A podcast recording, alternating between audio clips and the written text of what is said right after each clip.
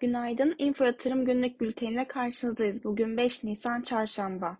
BIST endeksinde yüksek volatilite dün de devam etti. Hacimlerin düşük olması volatilitede artışa neden olurken gün sonu gelen tepki alımlarıyla endeks 4900 direncini kırdı. E, iletişim sektörü payları dünün en çok kazandıran sektör grubu olurken hisse bazlı baktığımızda Şişe, Türk Hava Yolları, Türksel ve Tüpraş payları endekse en çok katkı yapan payların başında geldi. Geçtiğimiz haftalarda gündemin en önemli maddeleri arasında yer alan bankacılık krizi, ekonomilerde küçülme beklentilerini arttırmış ve resesyon endişelerine neden olmuştu. Bu endişelerin ardından petrol fiyatlamaları 70 dolar seviyesine kadar geri çekilirken önce majör merkez bankalarının endişe yok mesajlarıyla hafif yukarı yönlü seyre geçmişti. Son olarak OPEC Plus'ın beklenmedik şekilde üretimde azaltma açıklamasının ardından petrol fiyatları sert yükseldi.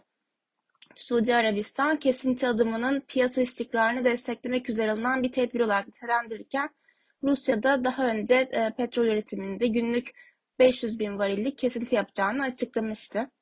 Ons altın tarafına bakarsak ons altında yön arayışı sürüyor. Silikon Vadisi Bankası'nın iflası sonrasında artan resesyon endişeleri nedeniyle Fed'in faiz artımlarına son verebileceği beklentileri sonrasında Şubat 2022'den beri e, ilk kez 2000 seviyesinin üzerine çıkan ons altın fiyatlamaları Fed'in sıkı politikaya devam mesajları ardından 1935 dolar seviyesine kadar geri çekilmişti.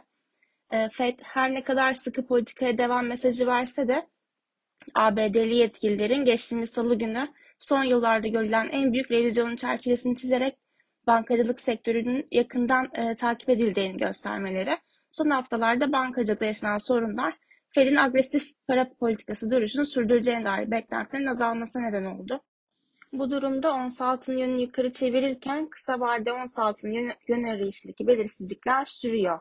Bugün endekse 5040 seviyesinin üstünde kalınması durumunda 5090 ve 5200 seviyelerin direnç, aşağı yönde ise 4880 ve 4720 seviyelerini destek olarak takip edeceğiz.